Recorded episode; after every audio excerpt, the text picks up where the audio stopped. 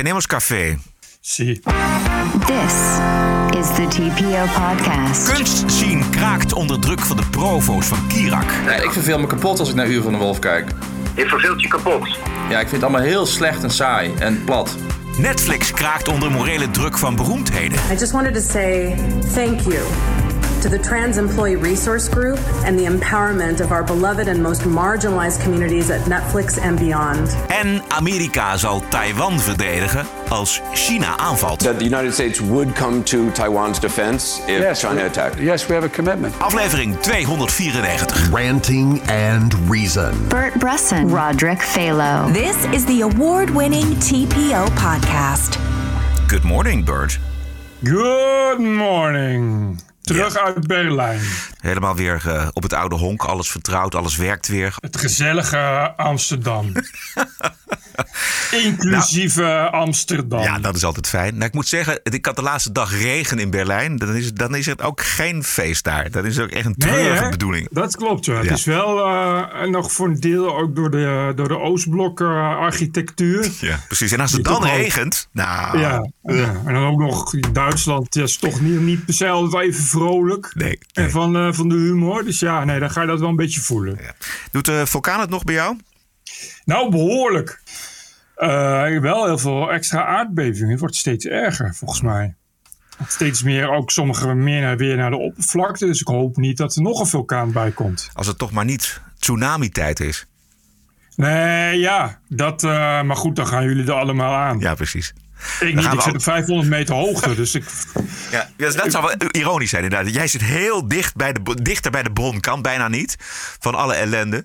Maar jij wordt gespaard en de rest van Europa en de Verenigde Staten, ja, eh, het is weg op een gegeven moment. Nederland, zo Nederland helemaal, die ligt helemaal onder zeeniveau. Ik Ja. zit 500 meter, meer dan 500 meter boven zeeniveau, dus mij kan niks gebeuren. ik kan dan wel vanuit mijn slaapkamerraam zien hoe het vliegveld hier wordt weggespoeld. Oh ja, dat is leuk. Dat is wel sp- spectaculair. Ja, Unieke beelden. ja, ja. Neem, Eh, neem het, op. hadden- neem het geluid ja. ook op voor de, voor de podcast. Ja, precies. Eh, oh, ze hadden twee honden. Eh, die gingen ze redden, want die zaten hier vast in een leeg waterbassin tussen de lava. Er kon niemand bij komen. En die honden, eh, die heel zielig, hele zielige beelden. Die, die zitten, zitten dus al dagen in dat bassin. En daar hebben ze met drones telkens water en voedsel voor gedropt. En er was een bedrijf met vrachtdrones en die zou die honden gaan halen gisteren. Ja. Want een helikopter, dat kan niet. Door de as en shit. Eh, en ehm, uiteindelijk, eh, het was, ook, was natuurlijk ook een heel gedoe. Uiteindelijk was het gisteren zover. en Toen bleken die honden weg. En nu hangt er een spandoek met de honden zijn oké. Dus er hebben ehm, eh, onbekenden eh, in het holst van de nacht. In die lava. Terwijl die lava is, is nog steeds 180 graden of zo. Fuck. Hebben die honden gered. niemand, weet waar ze, niemand weet waar ze nu zijn. Wat een verhaal dit. Het, doet mij denken natuurlijk aan dat eh, verhaal van dat Mexicaanse jongetje... wat ook is vastkomen te zitten een keer bij een aardbeving volgens mij. En daar, Ah, dat heeft toen echt weken geduurd volgens mij. Of overdrijf ik het nu? Misschien heeft het dagen geduurd, maar camera's erbovenop. Het jongetje heeft het uiteindelijk niet gered. Afschuwelijk zeggen, was dat jongetje ging dood, volgens ja, mij. Ja. Hey, en dit, is, dit is natuurlijk, die honden, het hondenverhaal is natuurlijk een, een groot verhaal in heel Spanje. Of is het alleen Ja, via de nou, lokale media? Ik zie het vooral via lokale media, maar ja, die beelden die gaan natuurlijk wel de wereld rond. Dus we kunnen ook in elk geval in Spanje. Maar lokaal is het in elk geval een dingetje.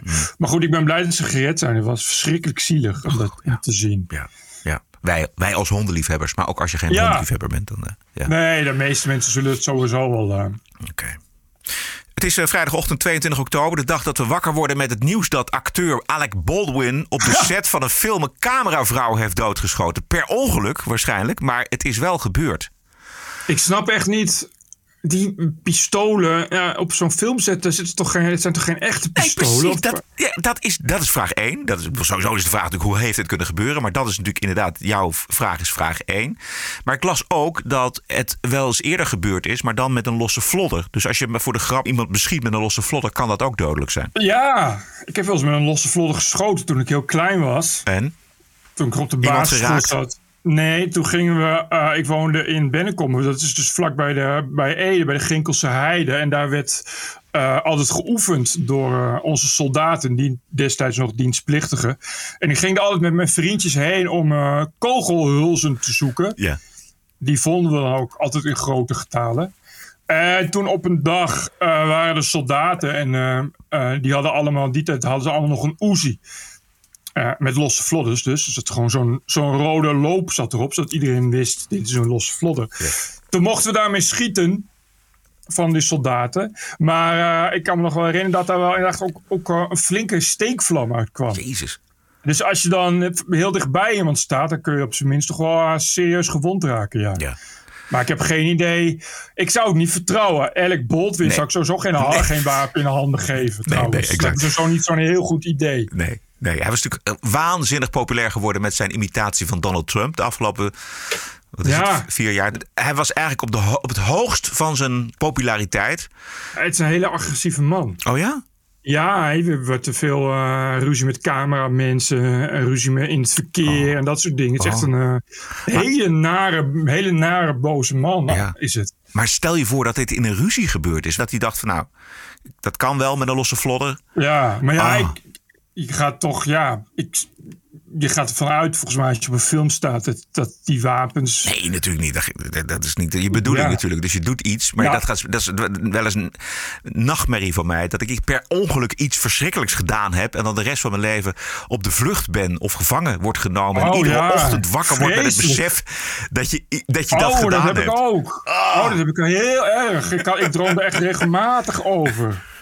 Ja. Dat je, maar dat je dat dan ineens besef je dat. Ja, precies, ja. Eh, Ja, en, dan, en, dan, en dan je weet gewoon niet wat, maar je hebt zo'n heel, heel, heel vies gevoel. En dat je, dat je inderdaad ineens die paniek hebt. Dat je gewoon niet weet. Oh ja, maar dat, ik heb ook altijd het idee van. eh, als, als ik ooit een vuurwapen. Ja, we leven niet echt in een vuurwapenland, weet je wel. Maar ik, denk, ik zou denk. eh, alsnog.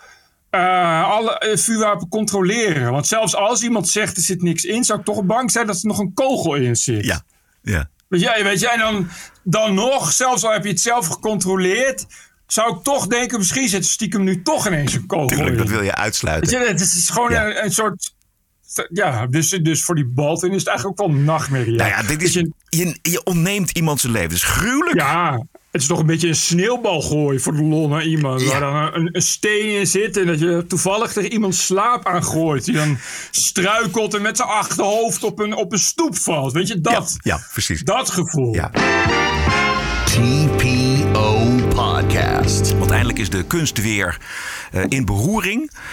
Het nieuwe Kirak-project Honeypot.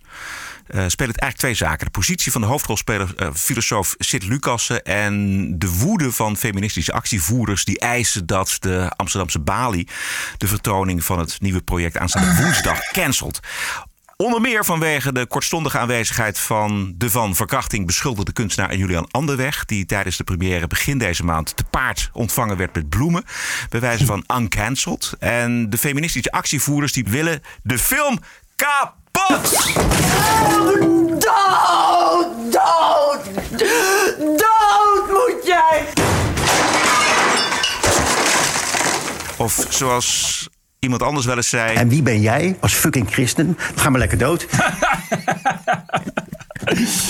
Ja, Wieberen van Haga gaat daar kamervragen over stellen, trouwens. Over de opmerking van, van Joden. Se- serieus. Dus Ja. w- ik ga er nog even, even tussendoor. Dat Ja, moet me even knippen of zo. Dus. Francisco van Jolen, ja, dat is verder wel een lul met vingers. Maar goed, die, die zit in een Radio 1-programma van de VARA. eh, om te vertellen... Nou, dat als mensen zich niet laten vaccineren uit religie, eh, religieuze overwegingen, ja, dan, dan moet je dan maar doodgaan. Want ja, je laat je niet vaccineren. Dat, kun je van alles vinden.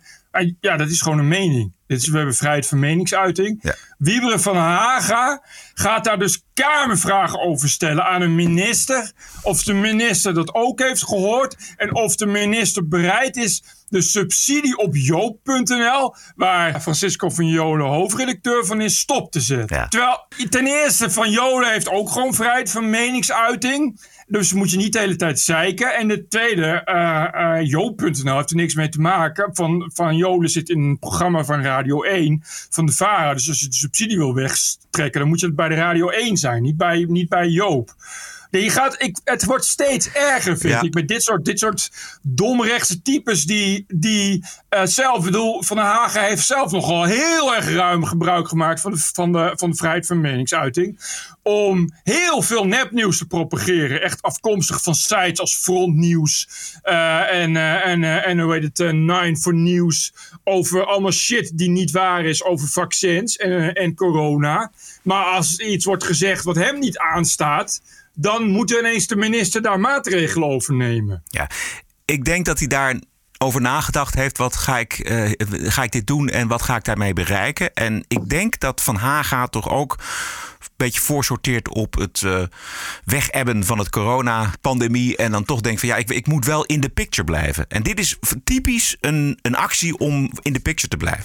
Ja, je blijft wel in de picture, maar hoe blijf je in de picture? Dan blijf je in de picture als iemand die, die niet zoveel op heeft met de vrijheid van Ja, meningsuiting. het is heel onhandig, precies. Ja. Het is, lijkt me niet een handige manier om in de picture te blijven. Alhoewel, ja, kijk, al die lui doen dat natuurlijk. Hè. Dat is, bedoel, eh, echt, echt van, van FVD tot, eh, tot ongehoord Nederland. Is continu zeiken als iemand anders een mening heeft. Als het niet naar hun zin gaat. Ja. Eh, en tegelijkertijd continu slachtoffer spelen. Omdat je niks mag zeggen in dit land. Dus het is wel iets wat, wat, wat in die hoek hoort, ja. Maar goed, dit even dus terzijde. Ja. Het Trouwens- uniek moment dat ik Francisco van Jolen verdedig. ja, precies. Terug naar Kirak. Ik heb de film nog niet gezien. Heb jij hem gezien? Eh, een stukje, maar ik wil hem niet zien. Want ik, ik, eh, ja, ik ga ten eerste niet naar, naar, naar Sint-Lucas kijken die seks heeft. Ja. Eh, en ten tweede, ik, ik, eh, ik, eh, ja, ik ken Sint-Lucas, dus ik, ik vind het... eh, ik kan daar niet naar kijken. Het is een beetje te triest allemaal. Ja. Je ziet ook ziet Lucas huilend aan de telefoon en zo. En ik, ja, dat ga, ik, dat ga ik dus niet, niet doen. Maar ik zag dat eh, Bas Paternotte, die eh, heeft, was gisteravond aan het kijken. Eh, en die zat bij ons in de Slack van, van Geen Stijl. En die zei ook van, ja, ik, ik kan dit niet. En, Nee. Ik, ik, nee. Dus ik ga er niet naar kijken, omdat ik dat niet... ik, ik, dat voelt gewoon niet zo goed, denk ik. Ik vind het een beetje... Ik ben het gewoon niet mee eens dat hij het alsnog uitzendt, namelijk. Dus Nee, ik vind dat je dat niet kan doen. Dit is zoveel, zo beschadigend voor iemand dat je dat niet kan doen. het hoort niet bij het spel. Het is echt. Ja, het is echt. Kijk, en die- ik weet, die Sid Lucas, die zit er nu nog doorheen. Dus die zit nu nog soort van ondergedoken in het buitenland, omdat hij het niet meer weet. En, eh, Ja. Nou ja, dit is gewoon, heel, het is gewoon heel ernstig en ik kan me er wel wat bij voorstellen. Als ik het was, zou ik ook niet willen dat het, dat het werd uitgezonden. En het, het grijpt, dit grijpt gewoon zoveel in op iemands privacy en op, op iemands bestaan, dat ik, dat ik gewoon niet vind dat je, dit, dat je dit kan doen. Ik vind het gewoon niet ethisch. Ik wil ook niet per se eh, een moreel voordeel of, of, een, of een morele boodschap van, van je mag dit niet. Ik snap ook wel dat je eh, in dit soort projecten, zeker in dit soort kunstprojecten, dat het, dat het ja, er wegen verschillende belangen. Grenzen overgaat. Ik- Ja. Ja, maar ik, ik zou het zelf zou ik me niet in de spiegel kunnen aankijken om het, om het alsnog uit te zenden. Als ik, als ik zit zo had gehoord, zo in paniek, huilend. eh, en, en gewoon dat iemand zegt, nou, ik, ik geef geen toestemming om dit uit te zenden. Dan vind ik niet dat je dan eh, dat, dat zomaar moet doen. Dan moet het wel heel, heel belangrijke belangen zijn dat je het toch doet. En dat is in dit geval Ja. niet zo. Je zet gewoon iemand heel erg voor lul op een, op een echt... Ja, op een manier waarop je weet ja, dat niemand dat wil eigenlijk. Zij, eventjes om de kant van Kirak te beschrijven. Wat ik gelezen heb is dat zij zeggen... ja, hij was erbij. Het is een volwassen man. Hij weet wat er gebeurd is. Hij heeft ons zelfs benaderd. Hè? Hij heeft het zelf, Ja, hij ja, heeft ja, zelf- maar dus hij, dat heeft hij allemaal gewild. En dan eh, maken we het kunstproject maken we af. En dan op een gegeven moment zegt hij van... nou nee, ehm, ik wil toch niet dat het wordt... of tijdens het kunstproject... ik wil niet dat het wordt... eh, gebruikt de beelden waar ik in eh, Ja. te zien ben. Het, het gaat hier om kunst en dit is wat we maken. Nee, ja, eens, maar dat, daar, daar kan ik me wel in vinden. Maar ik, ik vind wel dat er een ethische grens is. Zelfs ik vind dat er ethische grenzen zijn. Dus, Ja. eh, en in mijn geval zou, zou dit het, het pleidooi van iemand persoonlijk, die duidelijk in, in de war en in paniek is, zou voor mij een reden zijn om het dan niet te doen. Ja. Het is gewoon een, een menselijke overweging waarvan ik vind, dit moet je mensen niet aandoen. Ja. Eh, en dat staat een beetje, dus een beetje los van, van ik, ik ben het niet per se met hun redenering eens. Alhoewel je natuurlijk wel nog kunt betogen. Kijk, hij is natuurlijk onder andere voorwenselen daarin gegaan. Eh, het is natuurlijk niet, ja, dat is moeilijk, maar hij, kijk, hij, hij, hij zou eh, seks hebben voor de camera. Dat klopt. Hij wist natuurlijk wel dat er camera's waren. Uh, maar op het moment dat hij daar kwam, gebeurde er iets anders. Dat was toch een soort van, soort van opzetje, waardoor de dingen zich zo ontwikkelden dat er iets anders uitkwam. En dan kan ik me wel voorstellen dat je je heel kwetsbaar voelt. Dus op die manier er wordt gefil- gefilmd. En dat je dan zegt van ja, maar nee, maar dit is niet. Ik geef wel toestemming, maar niet, niet hiervoor. Ik heb toestemming gegeven voor wat er beloofd was. Namelijk, we gaan een, een pornofilm maken, maar niet. Niet, dit, hier, hier gebeurt iets heel anders. Maar goed, los, los daarvan, ik, ik vind, eh, ja, je, je kan, ik, ik vind dat je, ja, ik ben daar te gevoelig voor, laat ik het zo zeggen. Ja, ja. Eh, normaal gesproken is Geen Stijl altijd een website die eh, reclame maakt voor Kirak en ook de film op zijn site zet. Maar nou, dat gebeurt nu zou niet. geen stijl ook doen en dat doen, we, doen ze niet. Nee. Ik, zeg Om deze maar Timon eh, Spartacus is, eh, heeft dat gedaan. Die heeft inderdaad gezegd van... ik beloof jullie de primeur. En we hebben, daar, heeft hij, daar heeft hij toch van afgezien. Om Nou, deze om reden. Deze, om deze reden, ja. ja, ja. ja, precies. Zelfs geen stijl is af en toe ethisch. maar het is dan wat dat betreft veelzeggend, zou ik maar zeggen.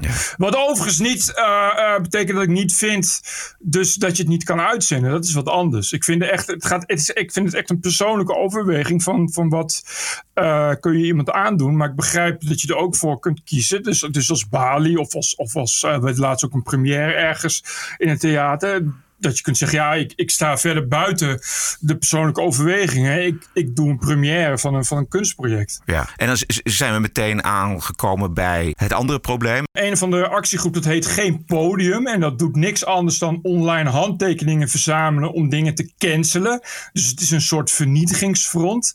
En er staat onder door wie ze gesteund worden. En een van de twee dingen waardoor ze gesteund worden is een of ander eh, het socialistisch-communistisch arbeidersfront. Zoiets.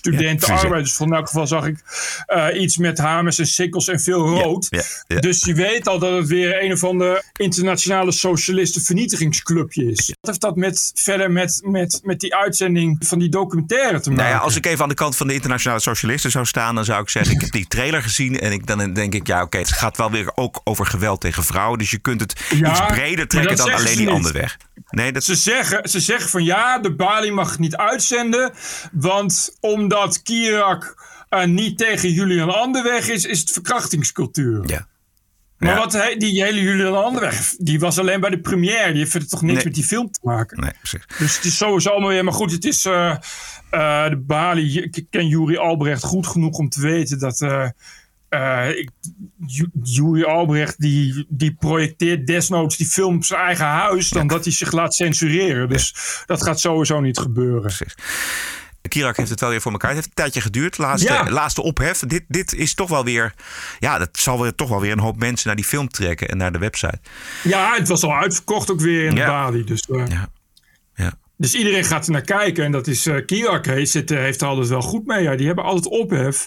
Wat goed is, waar- daar is kunst dus voor bedoeld. Ook omdat het altijd dingen raakt eh, waar mensen over gaan discussiëren. En dit zijn natuurlijk belangrijke debatten. Dus niet alleen over die andere weg. Hè. Dus het gaat natuurlijk over cancelen. En als je vindt dat dit mag, zo mag je, mag je bijvoorbeeld ook voor kunst mensen doodschieten of dieren mishandelen. Noem het maar op. Ja. Het is- het- dat, dat, is waar, dat is waar hier over gaat. Goed, de film Honeypot is vanaf woensdag te zien op kirak.nl. De TPO-podcast zit niet achter een betaalmuur. Hij is vrij verkrijgbaar, twee keer per week. Maar hij wordt niet kosteloos gemaakt. Er gaat tijd, liefde en noeste arbeid in. Dat geeft de podcast waarde. Hoeveel waarde?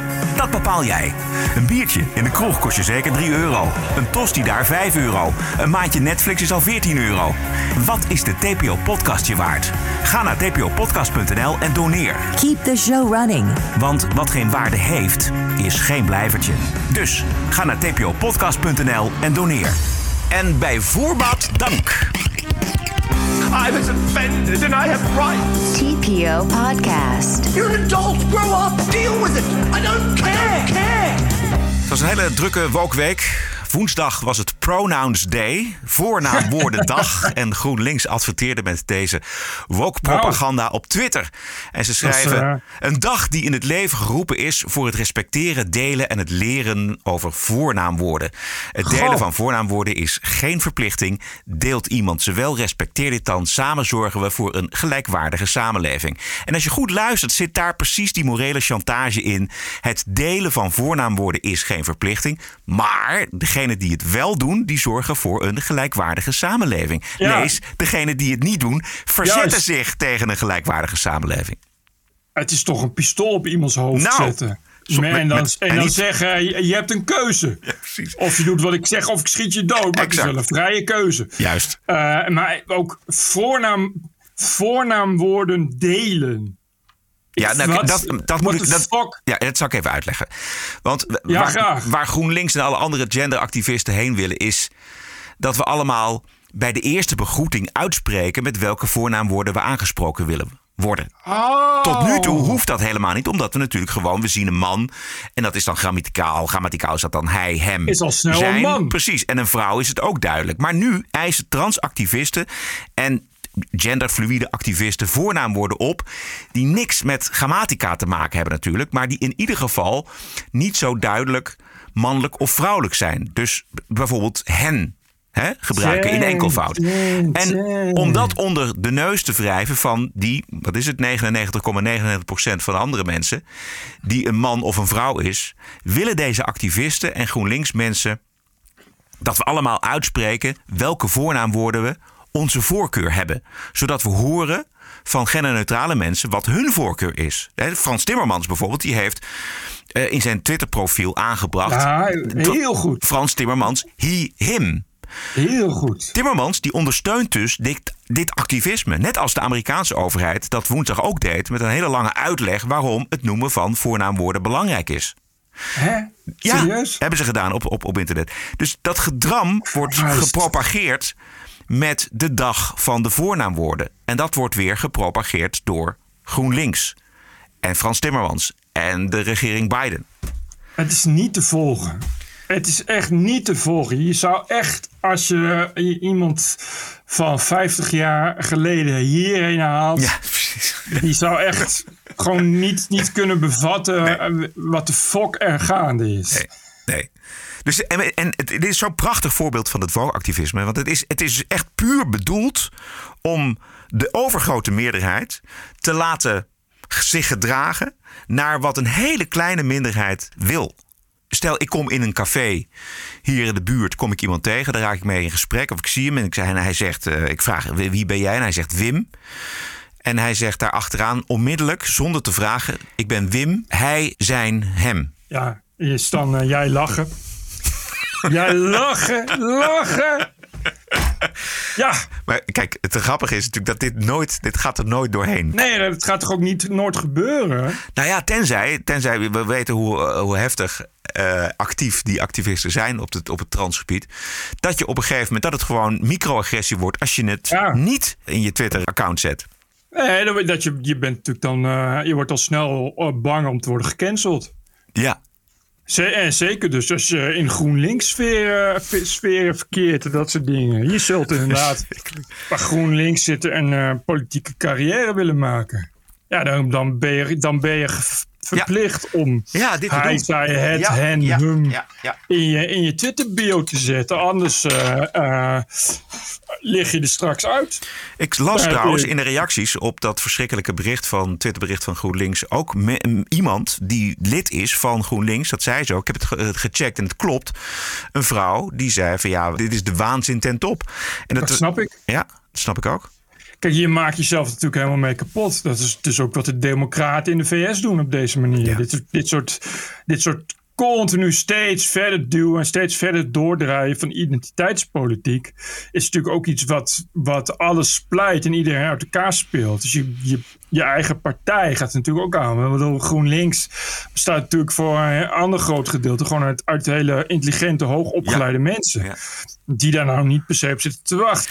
Goed, dat was een woensdag. Woensdag was ook de stakingsdag, de actiedag bij Netflix. Werknemers die eh, staken tegen het uitzenden van de stand-up comedian Dave Chappelle door Netflix. Vanwege zijn grappen over transgenders. En er was brede steun van de celebs. I just wanted to say thank you to the Trans Employee Resource Group and all of the black and or queer and or trans folks who risk their livelihoods and their lives in the name of harm reduction, transparency, and the empowerment of our beloved and most marginalized communities at Netflix and beyond. Netflix trans, non binary, intersex family. I love you so much. I am sending you so much love and solidarity and just sending you so much gratitude for the work that you continually do, the work that folks see, the work that folks don't see, um, to create a world that is more equitable and fair and to ultimately achieve LGBTQ liberation. Liberation. Hartverwarmend dit. Hartverwarmend. Zo echt, zo ja, nee, het is echt mooi dit. Dapper, krachtige uitspraken van hartverwarmende, dappere, inclusieve mensen. Zo mooi. Maar die Netflix-baas, Ted Sarandos, Ja. die krabbelt toch een beetje terug. Die had rekening moeten houden, zegt hij zelf, met de werknemers die echt gekwetst kunnen zijn door de grappen van Chappelle. Ja, maar goed, hij bleef wel bij zijn standpunt dat hij het niet gaat weghalen of aanpassen. Dat klopt. Maar hij doet dit toch om de boel te sussen. Ja, misschien niet, niet per se heel slecht. Nee, het is niet slecht, maar het, het lukt niet. Het, het, het werkt volgens mij niet. Nee, het is toch het begin van door je knieën gaan. Dat is een, Ja. beetje, een beetje de angst. En het zegt ook iets over dat hij nog leeft in het idee dat je met verontschuldigingen of dat je zegt, nou ja, weet je, eh, eh, met een kleine knieval, dat je daar dan de, de- angel eruit haalt. En dat is gewoon niet zo. Nee, dat is niet zo. Ik kwam een geweldige video tegen van de zwarte Amerikaanse professor John McWhorter. Hij heeft een boek geschreven, Woke Racism, over woke natuurlijk en over de cancel culture. En hij zegt, wat wij ook vaker gezegd hebben, verontschuldigen helpt niet. There is a, a ritual that we see at this point where a person apologizes.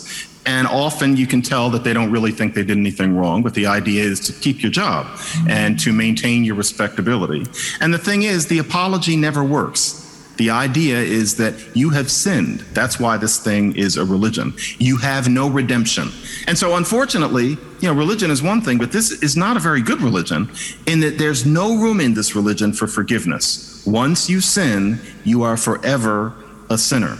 Exact. Maar goed, dus die Netflix-baas, die zei dus wel van ja, verhalen vertellen hebben een impact op de echte wereld. En soms ook een negatieve impact. Ja, dat vond ik niet slim van hem. Nee. Want dat sluit, dat sluit creatieve vrijheid voor Netflix in de toekomst uit. Omdat je dan op het punt komt dat je zegt: we kunnen niet alle verhalen vertellen, want dat heeft een negatieve impact. Ja. Dus we kunnen niet alles uitzenden als Netflix, want ja, Ja. dat heeft een negatieve impact. Het is de mop te vriend houden. De mob, de bende. De, mo- de, de mop is uit op gehoorzamen. Ja, ik, ha- ik had het ook niet gedaan als ik hem was. Maar ja, kijk, hij is natuurlijk ook bedrijfsleider. Ja. En hij heeft ook eh, aandeelhouders die hij te vriend moet houden. Ja. En een bestuur. Dus eh, hij dacht natuurlijk van we moeten, ik moet iets doen en dan maar zeggen dat ik het verkeerd heb gezegd. Maar goed, aan de andere kant blijft hij wel bij zijn statement. Hij heeft wel weer herhaald van ik blijf erbij dat, eh, dat ik dat niet ga aanpassen. Toch een, misschien een handige tussenweg. John McWhorter over woke als een religie. Why I call it a religion is specifically because there's an aspect of religion that requires suspension of disbelief, where you're not going by logic anymore. You just have to have faith in certain non logical tenets. That's part of how most religions work. And there's an element of that in this, where you don't have to make sense, you just have to believe. To me, once that started happening, you had not an ideology, but you had a religion where the only thing that matters centrally is that you show that you're battling the power differentials, even where it doesn't make sense. So, to go very quickly, the dialogue on Black America is that Black America's biggest problem is that white cops kill black men too much. Now, white cops kill everybody too much, frankly, as do the black ones. But yes, now and then a black man is killed by a white cop in a situation that is not justified and the cop is not is not prosecuted. That's a problem. But then on the other hand, black men kill one another in poor black communities in alarmingly high numbers. If you are a black man in that community, the chance of you getting killed by a, a rogue white cop is infinitesimal. The chance that you're going to get killed by someone just like you who lives around the corner, unfortunately, is often high. So the main problem, unfortunately, is the black on black crime, not what happened to George Floyd, as terrible as that is. You're not supposed to say that. What is the person more in danger from? The crime in the neighborhood. What allows you to talk about racism? George Floyd. So that becomes more important. That makes no moral sense at all, as accustomed to it as we are. The only way that makes sense in human minds is if we have a religion about racism. Ja, Ja. dat is het dus. Het is dus een religie. Ja. En een religie uit de middeleeuwen. Zoals Ook hij dat. zegt. Want het is. There's no redemption. Weet je wat? Je, mo- je, je bent schuldig, je bent zondig en dat blijf je. Je bent schuldig en zondig en je moet kapot omdat je schuldig en zondig bent. Die mensen willen wraak nemen. Die mensen willen helemaal niet. Het maakt helemaal niet uit of er wel of geen eh, transgenders geweld ondervinden van Dave Chappelle. Ze willen gewoon dat het kapot gaat. Juist, precies. En het, en het is dus een kwestie ook van geloven. Weet je wat? Is, en, en aan de goede kant staan. Het is, er zit, je kunt niet, zoals hij dan die vergelijking maakt tussen black on black crime en George Floyd, dat er een soort van logica in zit. De zwarte gemeenschap in Amerika heeft een veel groter probleem dan witte agenten. Laten we daar iets aan doen. Laten we echt de levens van zwarte mensen verbeteren en daar iets aan doen. Nee, precies. Nee, dat is ook niet. Het gaat ook helemaal niet om beter doen. Het Nee. gaat er echt puur om het, om het negatieve te benadrukken. En van daaruit jezelf eh empoweren om, om, ja, om wraak te kunnen nemen. Om, om te kunnen vernietigen. Om te kunnen slopen. En het gesprek, dus de, de illusie dat je denkt van nou in, in gesprek, nou Twitter zou het al zo, sowieso niet kunnen, maar gewoon in gesprek gaan met bijvoorbeeld die celebrities of met woke-activisten. Dat heeft gewoon geen zin. Nog één keer die eh, John McWhorter. It's a religion. And how often can we talk somebody out of their religion? If somebody deeply believes that Jesus loves them and that they're going to live in Jesus' grace if they do certain things during this lifetime, what are the chances that you would talk somebody out of it if you didn't believe that? It can happen, but so seldom does that happen that you have to learn to coexist with certain ideas. And so my point is trying to talk to that kind of person and to change their mind or sometimes even to make them understand you is simply impossible. You know, we all, as I said, we only have so much time on this earth and so much energy. So the idea is not to chase them out of the room, but to get them to sit back down. We just have to stop letting that kind of person run the show. Because if we let them run the show, they will, just like if we could run the show, we would. We have to make them understand that there is pluralism and that they are one of many elements amidst the pluralism, that they cannot be our leaders. Ja, dit vind ik dus geweldig. Je moet ze dus duidelijk maken, voor zover dat mogelijk is. Maar je moet ook zelf, als je wordt aangevallen door zo'n uh, uh, woke mob, moet je beseffen, dit is één mening. Dit is hun mening. Ze pretenderen dat zij de waarheid in pacht hebben. Dat dit de algemene morele standaard is in de, in de wereld. Maar dit is, niet Ja. zo, dit is, maar, het is maar een heel klein, pieterpeuterig, flinterdun meninkje. Die pretendeert de waarheid in pacht te hebben. Maar het is wel problematisch als eh, de, de president van de machtigste, nou ja, binnenkort niet meer de machtigste, maar de bijna machtigste natie op aarde zelf ook een woke dominee is. Ja. Die je kan wel zeggen, je moet die lui niet empoweren. Hoor. Dat is fijn, maar dat zou schelen als je dan ook niet je president iemand is die, die dit soort dingen moeiteloos doorvoert. Ja. Eh, en moeiteloos achter staat. En ook echt predikt. Ja, nee, er is reden tot, alle, tot, tot zorg, tot grote zorg, zeker. Maar voor jezelf persoonlijk helpt het om niet geïntimideerd te raken door uh, dit soort figuren. Zeker. Ik, ik, wat belangrijk is, is dat je bij standpunt blijft. En dan dus niet de hele tijd op ingaat, maar dat je zegt: Nou, ik heb het wel nu gezegd. En het blijft zo, wat je ook vindt. Ja. Uh, en ja, je, je kan natuurlijk mij uh, geweld aandoen en martelen en weet ik veel wat. En, en, maar ja, dat betekent niet dat het anders wordt. Je moet altijd duidelijk laten blijken dat verandering doe je alleen op grond van, van argumentatie, van, van logica, van, uh, van, van, hoe zeg je dat? Ben even het woord. Ja, reden. Van reden, ja, van reden. Uh, niet, niet op grond van emotie en geloof. Dat weet toch iedereen, iedereen die een kind heeft, of zelfs maar een hond, weet dat je consequent moet blijven. Ja. Op het moment dat je het toegeeft, gaat het mis. Ik begrijp ook niet waarom mensen zo bang zijn meteen voor, uh, voor het ophef. Weet je, nou ja, kijk, weet bij, je, dit, dit, bij, bij, Netflix, oh ja, er staan wat mensen uh, te demonstreren voor het kantoor en so what. Nou ja, je hebt het zelf net gezegd. Die man is ook bang voor zijn aandeelhouders. En die, ja. die, die, staat ook onder druk bij de, in de directievergadering. En wordt gezegd, ja, laten we nou in ieder geval iets toegeven. Of in ieder geval zorgen dat, dat deze ellende uh, aan ons neus voorbij gaat de volgende keer. Ja. Dus laten we ze te vriend houden. Dus ja, die, die druk zit erachter. Misschien moet hij een andere baan zoeken. Misschien uh, hebben, we, hebben we een behoefte aan leiders die daar minder bang voor zijn. Ja, dat denk ik wel. Die bereid zijn, die bereid zijn dat wat langer te accepteren. En die zeggen, ja, ik ga dat niet. Ik sta voor bepaalde waarden die principieel zijn. Dus die kan ik niet opgeven. Ook niet als, als, de, als de aandeelhouders uh, uh, gaan jammeren. Dan dan moeten die aandeelhouders misschien een ander aandeel kopen en het aandeel weer verkopen. Ja. En, en, en ook, uh, ja, kijk, bij aandeelhouders is, is nog maar één ding. Maar in dit geval, je hoeft toch niet. Dit lijkt wel alsof iedereen ook meteen bang is voor, voor opheffen, negatieve aandacht. Als er één keer iemand, wat, één keer een groepje randebielen gaat staan demonstreren, dat het dan, uh, dan moet je meteen bang zijn. Nou, laat me lekker demonstreren. Ja bij overheid net zo. Het is, is, uh, bedoel, ik heb nog nooit gezien de afgelopen anderhalf jaar dat er ook maar een begin van een gedachte is met het coronabeleid te veranderen. Ondanks het feit dat er elke keer een paar duizend randebielen zijn die rotzooi komen uh, trappen in de stad of komen demonstreren. Maar als er dan uh, drie transgenders zijn die boos zijn, dan moet ineens het paspoort worden aangepast en weet ik veel wat. Ja, dat snap ik niet. Nee. Mark ja. Rutte gaat toch ook niet zeggen: ik ga nu ik ga nu uh, toch maar mijn beleid wijzigen omdat er een lawaai-demonstratie is van 50, 50 uh, FVD, uh, FVD-achtige complotdenkers. Nee. Die zich toch ook van bekijken te verlekken. Ja. Maar, maar als er dan dus inderdaad vijf van die woke-types zijn die zeggen we zijn gekwetst, oei, nou, dan gaan we daar meteen maar naar kijken. Ja, ja flikker toch op. Ja, nee, als je het zo stelt, is het natuurlijk absurd.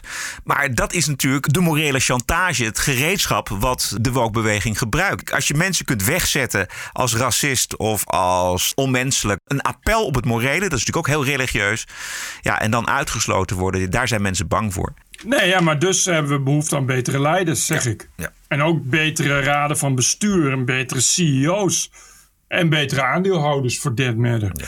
Ja. Goed, ik las dat uh, een van de drijvende krachten achter uh, die, die uh, Netflix-protesten, wat dus ook een transgender mevrouw meneer is, die is nu alweer betrapt op dat ze in het verleden allemaal racistische en discriminerende opmerkingen heeft gemaakt op Twitter. en die zegt nu, ja, maar toen was ik verslaafd aan met. Oh ja. Ja. Dus ja, nou, dat vind ik een hele goede reden. Dat is inderdaad een goede reden om er dan in te gooien. En het is altijd zo dat het altijd aan dit soort, dit soort types het altijd een soort, soort het is een randje waanzin. Zeg maar. Dat zijn dan ineens ex-junks die in het verleden de meest verschrikkelijke dingen hebben gedaan. En dat zie je in religie ook. Hè? Dus juist de bekeerlingen, wat vaak gevangenen zijn, of, of ex-junks die Jezus ontmoeten, die dan ineens zelf hyper bekeerd worden en zelf hyperactivistisch worden. Ja. Woke-icoon en columnist bij NRC Handelsblad Clarice Gargar vertrekt bij de krant. Hm. Nou, haar, dat werd tijd. Ook haar laatste column gaat over haarzelf. Ze zegt het is vrijwillig vertrek en ze heeft uh, gewoon niet zo heel veel meer te melden.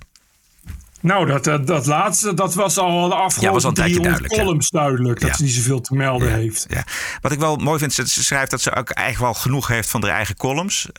Goh. want ze zegt, ook ben ik het maatschappelijk debat meer dan zat. We cirkelen rond hetzelfde politieke faillissement, rond institutioneel onrecht, modderslingeren, zelfimportantie en gebrek aan zelfreflectie. Het is bijna ironisch dit, hè? Ja.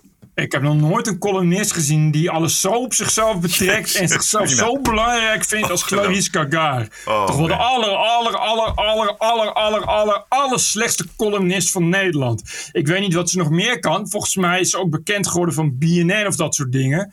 Dus dan moet ze dat maar gaan doen. Maar hou in godsnaam op met columns schrijven. Want het gaat er elke keer over hoe ik als zwarte vrouw last heb van iedereen en hoe dat allemaal de schuld is van anderen. Ja, haar achtergestelde positie die, eh, k- kwam ook eh, ter sprake in haar laatste columns. Blijkt dat ze nog nooit een column geschreven had toen NRC Handelsblad ruimte voor haar vrijmaakte in de krant. Dus ze mocht zomaar huppetee. Ik, dat schrijft ze. Ik, ik had nog nooit een column geschreven. Goh. En nu mag ze bij de VPRO een documentaire en een satirisch programma gaan maken. Dat wordt. eh, ja, ik gun het haar van harte dat ze dat mag. Maar, ook. maar wat is dan die achtergestelde positie? Een ongelezen column in NSC inruilen voor iets waar nog minder mensen naar gaan kijken. Dus dat is inderdaad vrij kut. Maar verder zal de achtergestelde positie wel zijn dat toen ze zeven was en ze een verzorgpony wilde, niet zomaar een verzorgpony kreeg. Want dat is meestal ongeveer wat die mensen als achtergestelde positie vinden. Namelijk, ik wil iets en ik krijg het niet. Uh, dit was onze keuze uit de Wokweek van de afgelopen dagen. Uh, zijn we nog iets vergeten? Nou ja, ik, dat, uh, dat, ik weet niet of mensen dat allemaal kunnen lezen. Maar ik, wat ik gisteren aan jou doorstuurde. Een column in uh, uiteraard de Wall Street Journal. En dat is uh, een column van iemand die is wetenschapper. Die is een natuurkundige. en die legt dus uit hoe, hoe, hoe woke al lang geleden uh, de wetenschap, uh, en maar ook dus de beta-wetenschap heeft overgenomen. hoe dus in de jaren tachtig het, het, als een goed idee begon om ook te gaan kijken als een soort diversity office van kunnen, we, kunnen we meer gekleurde mensen, meer vrouwen bereiken. En hoe dat een eigen leven is gaan leiden. Hoe oh, dat soort lui steeds meer en meer macht hebben gekregen. Die losstaat van de invloed van de universiteit. En hoe dat is doorgeslagen naar een algemeen deugdritme. Waarop mensen alleen nog maar worden afgerekend. Of ze wel divers genoeg zijn. En hij zegt van als je nu kijkt naar bijvoorbeeld uh, de posities dus, dus waar je op kunt solliciteren als wetenschapper, uh, die vrijkomen op faculteiten, uh, dan staat er bij bijna alle advertenties dat een van de vereisten is dat je kunt aantonen dat je je de afgelopen jaren hard hebt gemaakt voor bijvoorbeeld diversiteit. Om dus niet om aangenomen te worden, maar überhaupt te mogen solliciteren, moet je ook getuigenissen hebben dat je actief bent geweest voor minderheidsgroepen. Beetje de Raad van Cultuur in Nederland. Dit, precies dit. En dat zegt hij ook van het doet erg denken nou, aan, aan het McCarthy-tijdperk waarop je ontslagen werd als je aantoonde dat je niet had, genoeg had verzet tegen het communisme. En, hij geeft ook als voorbeeld van nou, een student van mij, die is, die, is, die is heel goed, een getalenteerde jongen. Die moet nu, loopt die cursussen nou, cursussen onbewuste vooroordelen en cursussen antiracisme, maar ook een cursus hoe schrijf ik zo goed mogelijk op dat ik deug? Zodat hij, als hij ja, ja, gaat solliciteren, het, het, juiste getuigschrift kan overleggen. Ja. En, weet je, en zo, zo ziek is het dus. Ja. En je kunt het bijna geen. Ja, het is natuurlijk discriminatie, maar ze hebben al een uitweg door het niet te hebben over huidskleur, et cetera, maar over dus je cv. Dus op je cv Precies. moet iets staan. Dus dan, dan ontkom je aan de commissie gelijke behandeling, om het maar zo te zeggen. Precies, en het, en, en het zorgt dus natuurlijk voor een chilling effect. Ja. Omdat je, ja, je kijkt wel link uit als je als jonge wetenschapper. Dan ga je dus, vind je het, ga je het dus belangrijk vinden om, om je voornaamwoorden in je Twitter te zetten. Ja. Ja, precies. Want ja, als je straks wil gaan solliciteren, gaan ze je Twitter kijken en zeggen: hey, maak jij soms niet druk om voornaamwoorden? Ja, precies. En, en dan zeg je: uh, nee, maar ik heb wel drie keer tien gehaald bij astronomie. En zegt ja, dat zal wel, maar sorry, we zoeken iemand van onbesproken deugend gedrag. Ja, ja. Eigenlijk, wat ik al zei, weet je, het is, het is de Raad voor Cultuur. De Raad voor Cultuur zegt, je komt pas in aanmerking voor subsidie als je kunt aantonen dat je voldoende doet aan inclusie en diversiteit. Ja. Punt. En het erge is dat het allemaal ooit is begonnen als iets goeds. Ja als, als, het was inderdaad een witte mannenbolwerk. In die verstande dat er überhaupt niet werd gekeken of er misschien wel racisme bestaat. Of dat er, er misschien mensen zijn achtergesteld. Of dat het misschien zo is dat vrouwen zich minder geroepen voelen omdat het een witte mannenbolwerk is. Dus het is ontstaan uit, nou, misschien is het wel een goed idee om daar eens naar te kijken, om daar überhaupt over na te denken. En dit is wat van geworden is. Een volslagen nieuwe dictatuur die evengoed discriminerend is, die evengoed racistisch en seksistisch is. Houd een rechte rug en houd moed. What a woke week it was. This is the TPO Podcast. TPO Podcast. Ladies and gentlemen, the President elect of the United States. This is CNN breaking news. We have never, ever, ever, ever failed in America. It's an incredible way of putting it. Tell them the truth matters. It's an incredible way of putting it. This is a Russian intelligence disinformation campaign. Why isn't Joe Biden angrier about all of this? How stupid can you be? This is a classic example of the right wing media machine. It just lacks credibility. Go ahead. Misschien gaat alles kapot uiteindelijk toch nog door een uh, flinke oorlog. De Amerikaanse president Joe Biden die heeft beloofd dat de Verenigde Staten Taiwan zal verdedigen bij een aanval van Peking op Taiwan. Hij zei dat gisteren in een vraaggesprek met CNN. Militarily, China, Russia, and the rest of the world knows we have the most powerful military in history of the world. Don't worry about whether we're gonna, they're going to be more powerful. What you do have to worry about is whether or not they're going to engage in activities that will put them in a position where they may make a serious mistake. You know, you hear people saying Biden wants to start a new Cold War with China. I don't want a Cold War with China. I just want to make China understand that we are not going to step back. We are not going to change any of our views. So, are you saying that that the United States would come to Taiwan's defense if yes, China we, attacked? Yes, we have a commitment. Yep. Wow. Ja, op zich Als is dat gebeurt, dan uh, is het wel gewoon wereldoorlog hoor. Maar Ja. ik weet niet. Ja, maar ja, je moet wel, dat moet je wel van tevoren zeggen. Je hebt wel een commitment. Als je nu zegt, we weten het nog niet, dan is dat natuurlijk een vrijbrief voor Peking om eh, de aanval Precies. eh, in, in te zetten. Toevallig las ik vanmorgen dat er in China getest is met een super, super, super, supersonische raket. Yep. Die veel en veel en veel sneller en wendbaarder is dan we tot nu toe gewend zijn. En dat ze daar enorm van geschrokken zijn in Washington. Ja, en China eh, eh, ontkent het. Die zeggen, eh, dit was een commerciële raket die we straks gaan gebruiken om mensen op een, op een fijne en makkelijke manier heen en weer naar de ruimte te krijgen. Dan weet je natuurlijk dat dat niet zo is. Eh, en dat is eh, inderdaad eh, een supersonisch. betekent dat die raket, en die kan ook een nucleaire lading hebben, die hoeft niet meer naar de ruimte. Dat is een nucleaire raket. Nu gaat heel hoog, echt iets van 1000 kilometer de ruimte in. En daar levert hij zijn payload af. En die payload gaat dan in de vrije baan weer naar beneden. En gedurende die tijd heb je allerlei mogelijkheden, al zijn de kansen nog steeds klein, om die raket uit te schakelen. Eh, op het moment dat je een supersonische raket hebt, zoals zoals Peking nu heeft, hoef je niet meer naar de ruimte. Kun je gewoon in de atmosfeer en de stratosfeer blijven. En is dus de tijd die je nodig hebt om iets af te leveren heel kort. En belangrijk is dat je zo hard gaat dat je eh, geen verdedigingsmiddelen meer hebt. Want tegen de tijd dat je hem op de radar hebt, is die alweer weg. Eh, en dat betekent dat China in no time een op onzichtbare wijze een atoombom kan droppen, waar dan ook ter wereld, zonder dat je daar iets tegen kan doen of zonder dat je het ziet aankomen. Nog erger is dat de VS ook al heel lang bezig is met het ontwikkelen van die raket. En zelfs gisteren nog een poging heeft gedaan daar een test mee te doen, maar daarin faalde. Dat betekent dat China verder is dan, dan de VS in het ontwikkelen van supersonische wapens. Eh, nog angstaanjagender is dat Rusland waarschijnlijk ook al verder is dan de VS in het ontwikkelen van supersonische wapens. En nog angstaanjagender is dat Noord-Korea niet zo heel lang geleden, afgelopen week, voor het eerst een ballistische raket heeft afgevoerd vanaf een duikboot. Wat betekent, eh, of onderzeeër, sorry.